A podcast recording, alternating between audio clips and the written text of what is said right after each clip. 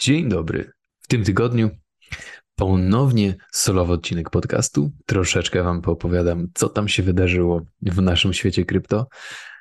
No ale chyba jedną z najważniejszych informacji, która zwróciła Waszą uwagę, jest to, że jest dosyć zielono na wykresach nie tylko na Bitcoinie, o dziwo, ale też na altcoinach i na Etherze, co jest spowodowane ostatnim newsem od BlackRock, który złożył wniosek o stworzenie też właśnie ETF-u na ETH, a nie tylko na e, BTC.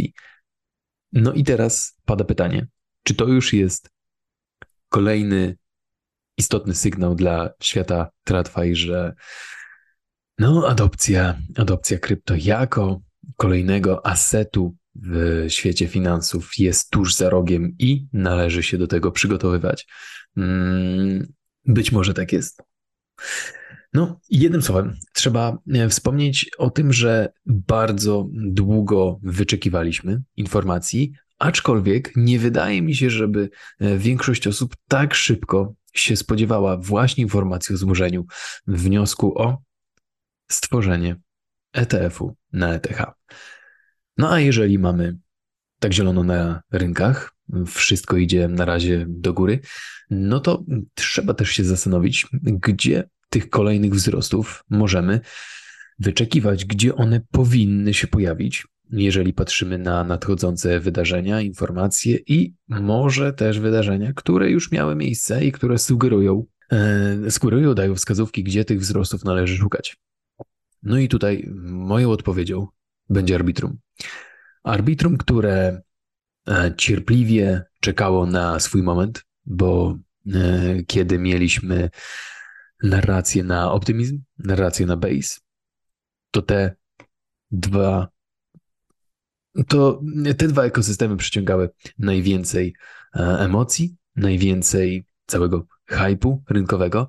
No a tam, gdzie ktoś najgłośniej krzyczy, tam, gdzie są najbardziej rozpalone emocje, no to nie ma co e, tam się pchać, bo i tak nikt nas nie usłyszy i tak mało kto zwróci na nas uwagę. Tak więc arbitrum cierpliwie czekało na swój moment, aż emocje na base i na optymizm się wygaszą.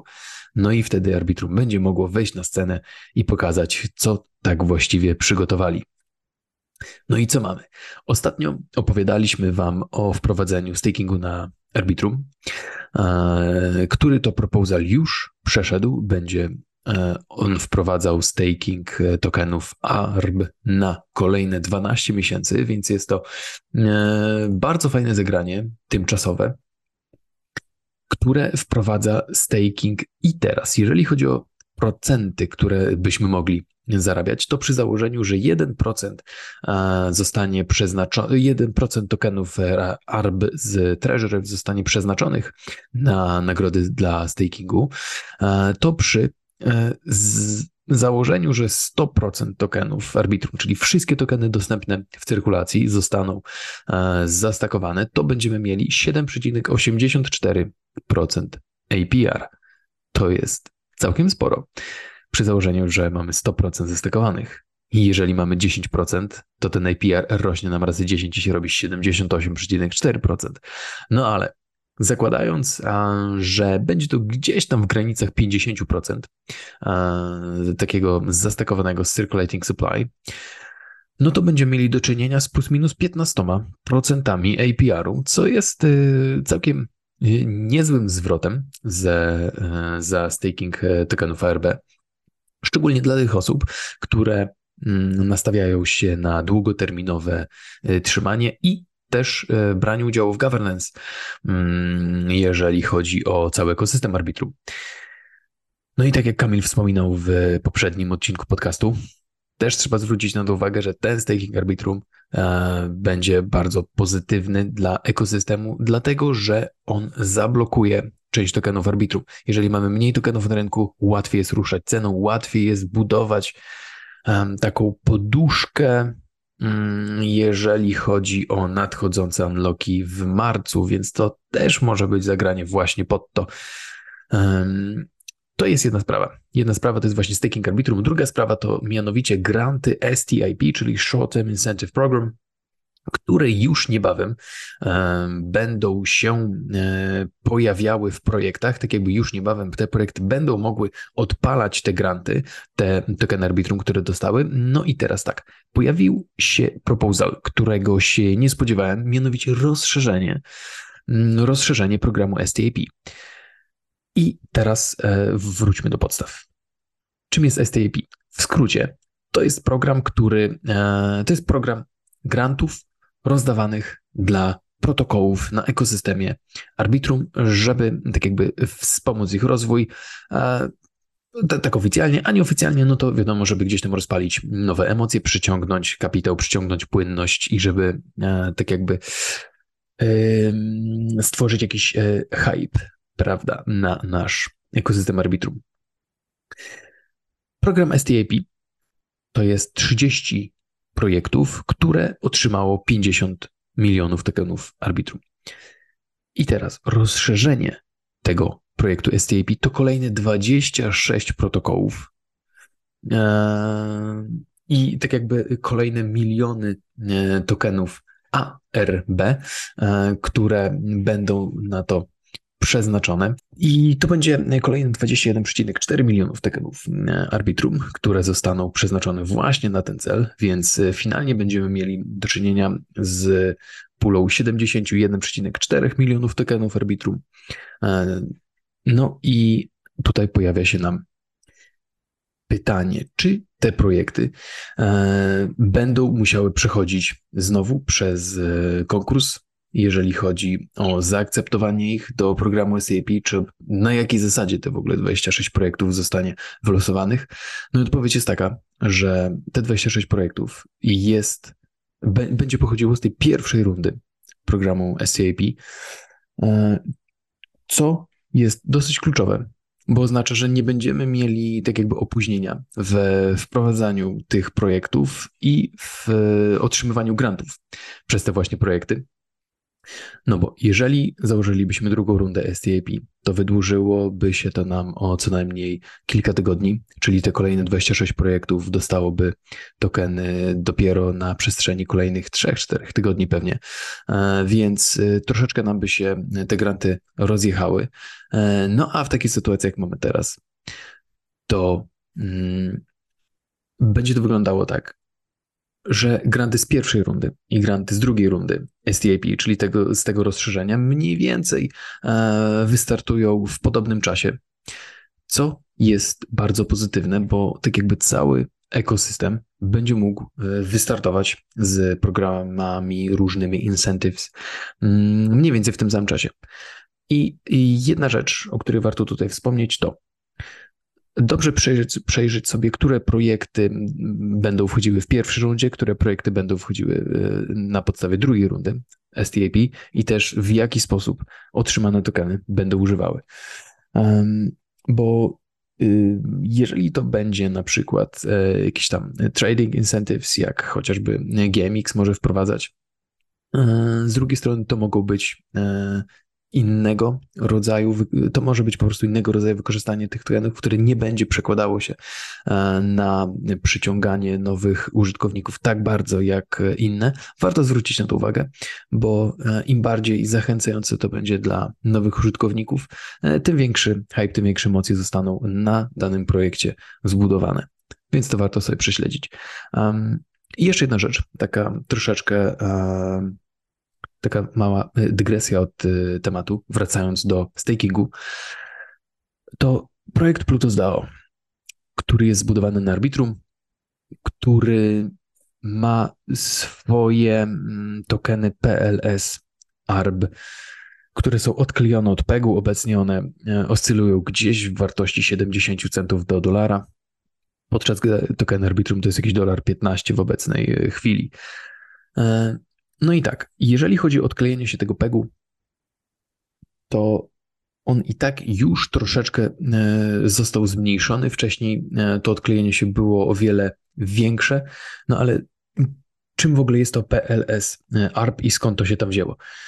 Otóż Plutus DAO starał się wprowadzić staking, pewnego rodzaju staking na, na Arbitrum, kiedy jeszcze o tym stakingu nikt nie mówił. Tyle tylko, że ten pomysł nie wyszedł. No i osoby, które zablokowały swoje tokeny Arbitrum w Plutus miały ten problem, że nie mogły ich od razu wyciągnąć, tak jak to ma miejsce ze stakingiem zazwyczaj. No i tak jakby wartość tych tokenów zaczęła się odklejać od pegu. Mm, I Plutus DAO starał się jakoś y, to naprawić. E, mieliśmy kilka, e, kilka tygodni temu e, proposal od Plutus DAO, żeby mm, tak jakby arbitrum przeznaczyło dodatkowe środki właśnie na ten projekt, żeby oni mogli sobie z tym poradzić, co było dosyć negatywnie odebrane. Tak jakby sam, sam proposal był takim zwykłym cash grabem od tak jakby cash grabem ze strony Plutus DAO od Arbitrum, no bo tak jakby sami stworzyli problem, którego nie są w stanie e, naprawić. No ale teraz, y, jeżeli wchodzi nam staking na, na Arbitrum, to Plutus DAO e, powiedział, że on też będzie wspierał ten natywny staking, mm, co bardzo pozytywnie przełożyło się na cenę tokenu e, Plutus DAO. Mieliśmy tam zielone świece do góry. No i tutaj pojawia się pytanie, na ile uda im się mm, tak jakby zniwelować ten y, depeg tokenów e, PLS ARB i e, na ile kluczowym projektem oni będą jako Plutus e, w natywnym stakingu Arbitrum. Można zwrócić na to uwagę, w jakim kierunku Plutus będzie się rozwijał i jak istotnym on będzie projektem, jeżeli chodzi o staking, to tak właśnie można sobie zwrócić na to uwagę, zobaczyć, czy faktycznie coś może z tego będzie, może jakieś tam e, okazje się pojawią, może e, będzie to też okazja do e, skupienia się na tokenach PLS Arbitrum, które może z czasem wrócą do PEGu. To też jest ciekawy case i warto się nad tym pochylić, warto się nad tym zastanowić, mm, jak to będzie się rozwijało. No ale jeżeli mamy teraz do czynienia z odrodzeniem zainteresowania e, ekosystemem Arbitrum, no to mamy jeszcze jedno odrodzenie, którego e, też niekoniecznie się spodziewałem, tak jakby nie spodziewałem się go tak szybko już teraz. No jest to odrodzenie rynku NFT. No i skąd w ogóle to odrodzenie teraz, jak to się wydarzyło?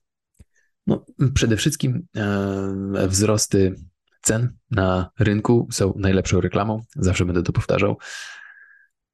No ale do tego dochodzą też inne wydarzenia, bo ostatnio OpenSea, czyli tak jakby największy, w sumie jeden z największych podmiotów na rynku NFT, ogłosił, że będzie zwalniał połowę pracowników. Ktoś mógłby powiedzieć, że hej, no jak to jest w ogóle pozytywny news? Przecież to jest nielogiczne.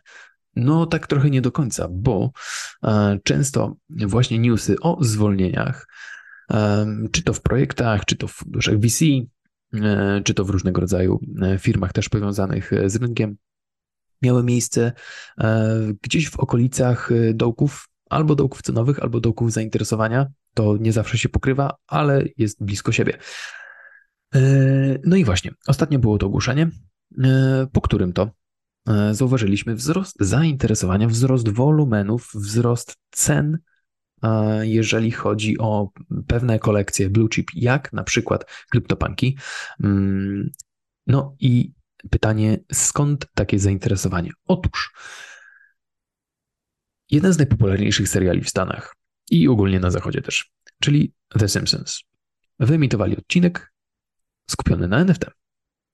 I E, na początku można by sobie pomyśleć, a no pewnie gdzieś tam wspomnieli o NFT i tyle tego. No w sumie to nie do końca, mm, bo ten odcinek trwał 7 minut, nie był długi. E, ostatnio właśnie e, go obejrzałem, żeby zobaczyć jak to w ogóle wygląda i jak to zostało przedstawione i ku mojemu zdziwieniu cały odcinek był poświęcony właśnie technologii NFT i temu rynkowi NFT.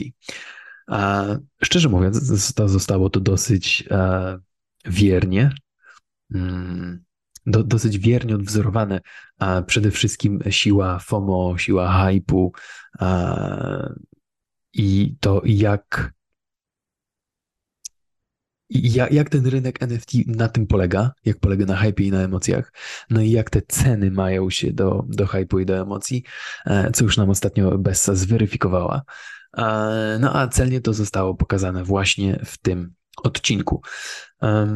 Trzeba też zwrócić uwagę na to, że te kolekcje, które w tym odcinku się pokazały, lub e, pojedyncze NFT-ki, które tam się pokazały, to są faktyczne kolekcje, e, które mieliśmy, które nadal e, możemy e, gdzieś tam kupić czy, czy przeglądać. Na przykład CryptoKitties, czy chociażby jeden z najpopularniejszych NFT, czyli e, obraz e, artysty Beeple, który to e, sprzedał właśnie e, ten swój e, NFT za cenę ponad 60 miliard, milionów dolarów.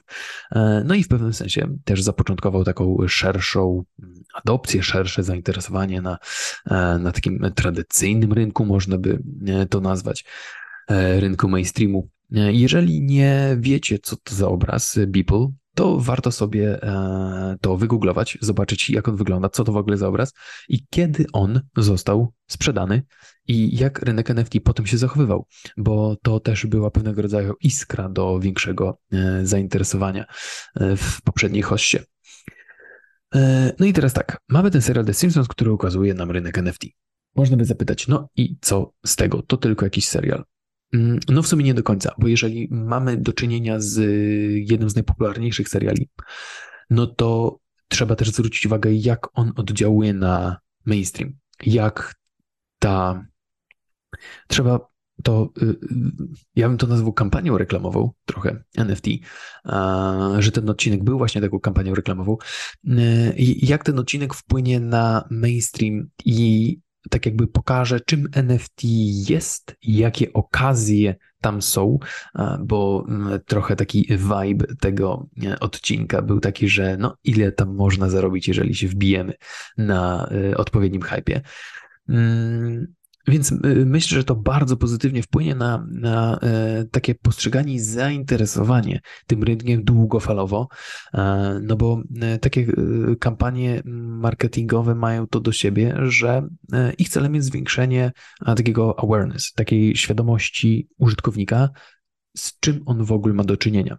No bo NFT, rynek NFT ma to do siebie, że jest bardzo często niezrozumiany, jest tam bardzo dużo nieporozumień i um, jeżeli zapytam kogoś o NFT, to będzie miał negatywne nastawienie często, chociaż tak właściwie nie wie, czym to tak naprawdę jest. E, ale coś tam słyszał, gdzieś coś ktoś powiedział, no i tak to wygląda, tak? Tak, tak samo jak e, z krypto ogólnie i z rynkami też. No ale właśnie, mamy ten revival, ceny niektórych e, kolekcji idą w górę, między innymi kryptopanków. No i teraz, jeżeli się zastanowimy i założymy, że dołek jest już za nami i e, te obecne, mm, obecny wzrost zainteresowania e, będzie gdzieś tam sugerował, że powoli te emocje będą wracały, no to powinniśmy się skupować. skupować. E, skupować też można, jak ktoś się bardzo interesuje rynkiem NFT, ale skupić powinniśmy się na wyszukaniu projektów tak zwanych blue chip, E, no bo teraz, jeżeli to zainteresowanie nie jest jeszcze wysokie, no to mm, może trochę nie być najlepszym pomysłem e, kupowanie jakichś undervalued kolekcji, tak? No bo mm, jeżeli nie ma emocji, to niekoniecznie one te emocje muszą, muszą zebrać później, no bo będą już e, troszeczkę przedawnione na przykład, tak? Albo community się rozejdzie. Trzeba skupić się na szukaniu e, tokenów kolekcji, takich jak blue chips, czyli tych tokenów, które e, są raczej długoterminowym e, betem, które przetrwają e, bessy, które mają bardzo silne community. No i jeżeli pomyślimy sobie o tokenach blue chips na rynku krypto, tak żebyście zrozumieli mniej więcej o co chodzi, no to takim blue chip może być Ether, może być Link, może być Aave, może być Maker. To są tokeny, które przetrwały bezse, które mają silne community, silne zespoły, no i tak właściwie są na tym rynku e, long term, to są takie fundamenty tego rynku. No a jeżeli chodzi o takie ikoniczne e, kolekcje z rynku NFT, e, no to przede wszystkim to by były kryptopanki. Jeżeli mówimy NFT, to od razu myślimy kryptopanki. Krypto, kryptopanki są dla NFT tym, czym Ether jest dla rynku krypto. To takie, myślę, dosyć trafne porównanie, jeżeli chodzi o community i o tak jakby siłę tej kolekcji, jeżeli chodzi o przetrwanie i tego przetrwanie tych gorszych chwil, tak nazwijmy to. No i kryptopanki są jednym z nich, ale bardzo dużo mówiło się o tokenach Blue Chip, jeżeli chodzi o poprzednią e, hossę na NFT-kach. Tam były na przykład te znudzone małpy, tak? Czyli e, Board Aid, e, Board, Board Yacht Club, czy chociażby Azuki. Moonbirdsy były też mówione, że ne, no przecież to blue chip jest. No a e, jakoś niekoniecznie dobrze sobie radzą, a Azuki też nie najlepiej. E, no i e, po prostu trzeba zwrócić uwagę na to, jeżeli szukacie sobie blue chips, to przede wszystkim zwracajcie uwagę na to, jak się zachowuje, jak się zachowuje community, co to jest za community powiązane z danym, z daną kolekcją i jak ten projekt zachowywał się, jeżeli chodzi o cenę. No bo oczywiście wszystkie spadły, tak, w bestie, ale trzeba popatrzeć na to, jak one wracały do łask i jaki sentyment jest z nimi związany. No bo jeżeli spojrzycie sobie na przykład na Azuki, to był e, jedna z topowych kolekcji, też właśnie e, miano Blue Chip. No i faktycznie ona teraz jest, ale bardzo dużo straciła na znaczeniu poprzez e, takie sytuacje, gdzie um, tak jakby zespół trochę rozwadniał tą kolekcję poprzez dodawanie nowych NFT-ków, nowych takich mini kolekcji, no i spotkało się to no, z bardzo negatywnym, mm, z bardzo negatywnymi komentarzami ze strony community właśnie y, Azuki, bo po prostu trzymali coś, co y, było rozwadniane przez Team. Na to nie jest y, nigdy dobrze widziane, tak? Więc pytanie, czy to już e, revival rynku NFT, czy może zwiększenie zainteresowania e, chwilowe poprzez tak jakby wzrosty na szerokim rynku i większą, e, nieco większą dostępność do płynności. E, NFT wcześniej czy później wróci. E, tak jakby to raczej nie ma co tego podawać w wątpliwość. Mm, tylko właśnie pytanie kiedy, bo NFT potrzebuje dosyć sporej płynności, żeby wrócić w chwale jako rynek tak jakby całościowo, a nie jako pojedyncze kolekcje, bo pojedyncze kolekcje mogą sobie, prawda, skakać, robić e, kilka razy, ale żeby tak jakby NFT jako rynek cały powstał, to potrzebujemy dużej płynności na rynku, a ta płynność e, raczej jej teraz jeszcze mm, nie ma, ona dopiero przyjdzie, więc jeżeli ten wzrost zainteresowania teraz oznacza, że powoli, powoli te emocje będą się budowały, to to jest dobry czas, żeby zrobić sobie research, poszukać, co tam ciekawego można znaleźć, jeżeli interesujemy się tym rynkiem, jeżeli w nim siedzimy, e, a jeżeli nie, to można gdzieś tam od czasu do czasu śledzić, co tam w ogóle się dzieje, no bo ry zainteresowanie rynkiem NFT jest w pewnym sensie takim odzwierciedleniem płynności rynku krypto. Im lepiej radzi sobie rynek NFT, tym większa jest y, płynność y, na, na krypto. Zazwyczaj to, to nie jest zasada, ale możecie mniej więcej w ten sposób sobie, sobie na to patrzeć. No i właśnie, jeżeli już mówimy o takim uświadamianiu mainstreamu, e, no to też trzeba tutaj zwrócić uwagę na e, uświadamianie świata tradycyjnych finansów, czyli naszego TradFi i jak te krypto coraz bardziej łączy się z TradFi'em. No bo Mamy ETF-y. E, mamy ETF-y, które BlackRock ogłaszał najpierw na BTC, teraz na ETH, co skutkuje takimi, no, oczywiście wzrostami cen, tak, ale też pewnym, pewne, pewnego rodzaju sygnałami dla świata TradFi, że no halo, halo, warto się tu e, zainteresować, warto mm, tak jakby troszeczkę szybciej działać, e, żeby to już wchodziło na rynek, bo ETF-y już za rogiem e, pewnie niedługo będziemy mogli się ich spodziewać na przestrzeni kolejnych kilku, kilku miesięcy. E, a też trzeba przyznać, że troszeczkę zaskoczyło mnie to, że BlackRock już teraz ogłosił właśnie informację o, o wniosku o, o stworzenie ETF-u na ETH. E, myślałem, że to będzie gdzieś e, w grudniu. E, tak sobie strzelałem, że to mniej więcej gdzieś tam wtedy będzie miało miejsce. No już tutaj w listopadzie mam o tym informację. Ciekawe, ciekawe. No ale to jest Zachód, to są Stany. Teraz pojawia się pytanie, co z tym kryptohubem w Azji? No bo jeszcze kilka miesięcy temu bardzo dużo mówiło się o Hongkongu, o tym, jak tam różne e, legisla legislacje są wprowadzane, żeby ułatwić stworzenie takiego kryptohubu w Azji, bo Azja też chce mieć swój.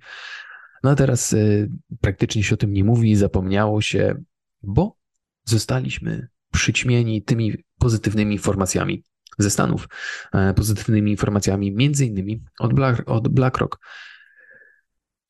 No i teraz mamy ten kontrast, że bardzo dużo mówi się o Zachodzie, nic nie mówi się o, e, o Azji, a jeszcze kilka miesięcy temu bardzo dużo mówiło się o Azji, bo tam szukało się tego światła w tunelu, podczas gdy e, w Stanach i na Zachodzie krypto przeżywało ciężkie chwile, bo to SEC z Garem mówił, że nie, to tak nie można, to wszystko jest security i nic z tego nie będzie.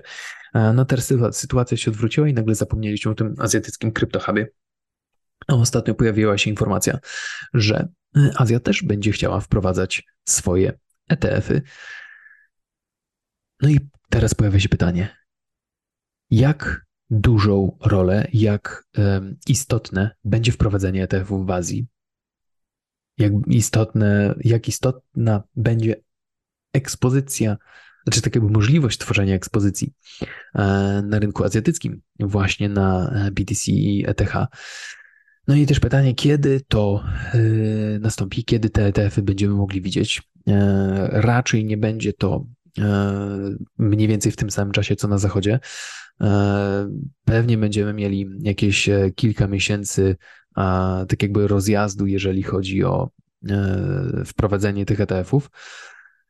No ale tutaj trzeba się też zastanowić nad tym, jak duży będzie to miało wpływ na rynek i na yy, ogólne zainteresowanie, no i przede wszystkim na wyceny, tak? No bo yy, tutaj mówimy tylko o tym, jak BlackRock może wyciągnąć ceny BTC w górę i ETH, a tu jeszcze nam zaraz dojdzie Azja. No i nagle może nam się zrobić całkiem zielono na tych rynkach. Tylko właśnie pytanie, jak to zostanie rozegrane, jak to zostanie rozegrane czasowo, na ile to, e, na ile będziemy mieli do czynienia z takim dużym rozjazdem. E, jest bardzo dużo pytań, na razie mało odpowiedzi, ale warto to śledzić i warto e, śledzić to, co właśnie się dzieje w Azji, jeżeli chodzi o tę adopcję, bo o tym większość z nas zapomniała. Jeszcze o dwóch rzeczach chciałbym dzisiaj wspomnieć. Jedna to informacje z UK, gdzie ostatnio y, padł proposal, żeby wprowadzić stablecoiny jako oficjalny środek płatniczy. Jest to z jednej strony bardzo pozytywne dla, dla adopcji, no a z drugiej strony, jakby nie patrzeć, no to trochę przypomina CBDC trochę innym imieniem, tak, pod przykrywką stablecoinów. No bo e, jeżeli to by były, no, zakładając, że to były jakieś zdecentralizowane stablecoiny, no to okej, okay, tak, to nie będzie wtedy aż takie CBDC, ale e, no raczej to będą stablecoiny typu Circle, które są e, scentralizowane emitowane przez Circle. No i jeżeli o Circle chodzi, to też możemy sobie spojrzeć na poprzednie, na minione tygodnie, miesiące, na to, jak Circle integrowało się właśnie ze światem TradFi, żeby e, stać się takim mianowanym stablecoinem zachodu. To jest też coś, o czym pisałem Wam e, w takim raporcie czy e, w artykule na, na początku tego roku, e, mówiąc o Circle i mówiąc o Coinbase, że to będą takie e, mianowane podmioty na zachodzie, którym których zadaniem będzie właśnie propagowanie technologii blockchain i krypto na rynki, na świat TradFi. No i jak na razie wszystko idzie zgodnie z tym planem. No i jest jeszcze jedna informacja, jeżeli już mówimy o Coinbase i Circle, mianowicie jeżeli pamiętacie poprzednią hossę, to wprowadzenie IPO e, przez Coinbase w 2021 roku no, mniej więcej wyznaczało nam szczyt hossy.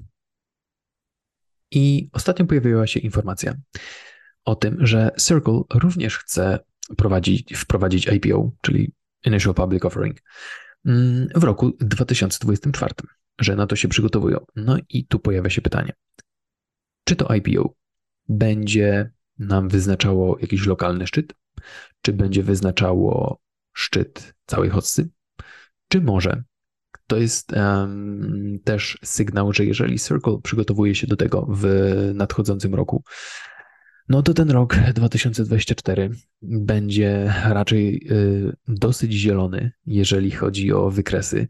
Mm, no i czy to jest znak, że e, tak jakby adopcja świata krypto poprzez rynek tradycyjny w 2024 wejdzie na zupełnie inny poziom. No bo wtedy zostaną zaakceptowane ETF-y. Chyba, że jeszcze w tym roku, no ale raczej, y, raczej mało spodziewane. E, więc w 2024 raczej zostaną zaakceptowane ETF-y. Sporo będzie się działo, bo mm, najprawdopodobniej różne nowe podmioty też będą w jakiś sposób chciały się integrować ze światem krypto. Będziemy mieli najprawdopodobniej właśnie IPO Circle. No, dużo rzeczy, dużo rzeczy będzie się działo w tym 2024, więc y, Pytanie, jak duży będzie to miało wpływ na cenę i jak bardzo ten nasz rynek krypto się zmieni właśnie w tym roku 2024, bo jeszcze pamiętam, jak w poprzednich hoście bardzo dużo osób mówiło, że no, te instytucje zaraz już tu są za rogiem, już e, te wzrosty na nas czekają. No a prawda jest taka, że te instytucje dopiero przyjdą tak na poważnie i wygląda na to, że to będzie rok 24. I jak to zmieni nam świat krypto? Jak to wpłynie na wyceny? No, to są pytania za, to są wielomilionowe pytania. Więc y, warto się na tym zastanowić, warto y, pomyśleć, w jakim kierunku to będzie mogło iść um, i jak to będzie się spinało czasowo, mianowicie e, te różne wydarzenia, czyli adopcje poprzez różne instytucje, czy to będzie przed, czy po wprowadzeniu ETF-ów, kiedy te ETF-y wejdą, co może się z nimi wiązać, jakie, jakie inne adopcje. Warto się nad tym pochylić, warto śledzić newsy takie mniej ciekawe, mniej emocjonalne, tak? E, takie newsy, które często podrzucałem wam w weekly a propos właśnie takiego, takich budowań, takiego budowania fundamentów na zachodzie, że e, to tutaj jakiś podmiot e, wprowadza proposal, żeby się zintegrować, to tutaj e, jakieś polecenia ze strony Fedu odnośnie jak banki mają się odnosić do, do krypto. To były takie puzzle, takie cegiełki, które tworzyły gdzieś tam szerszy obraz, więc można było sobie z tych puzli, jeżeli byliście uważni, uważni i uważnie śledziliście ten rynek i informacje, nawet te nudne, E, to można było sobie zbudować taki obraz, w którym kierunku to idzie. Bo najważniejszy jest kierunek. Nieważna jest prędkość, ważny jest kierunek, w którym um, zmierzamy. Jeżeli znamy kierunek, to wcześniej czy później tam dojdziemy. Tak więc kierunek jest obrany.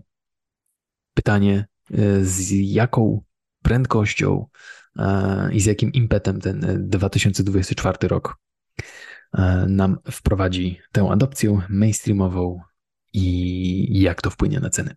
Więc dziękuję bardzo za dzisiaj. E, bardzo mi miło, że chcieliście e, tutaj przysiąść się do mnie i posłuchać o krypto. Słyszymy się już za tydzień w kolejnym odcinku, więc życzę udanego tygodnia, zielonego tygodnia. No i słyszymy się już w następnym odcinku. Dziękuję bardzo. Do zobaczenia. Hej, hej.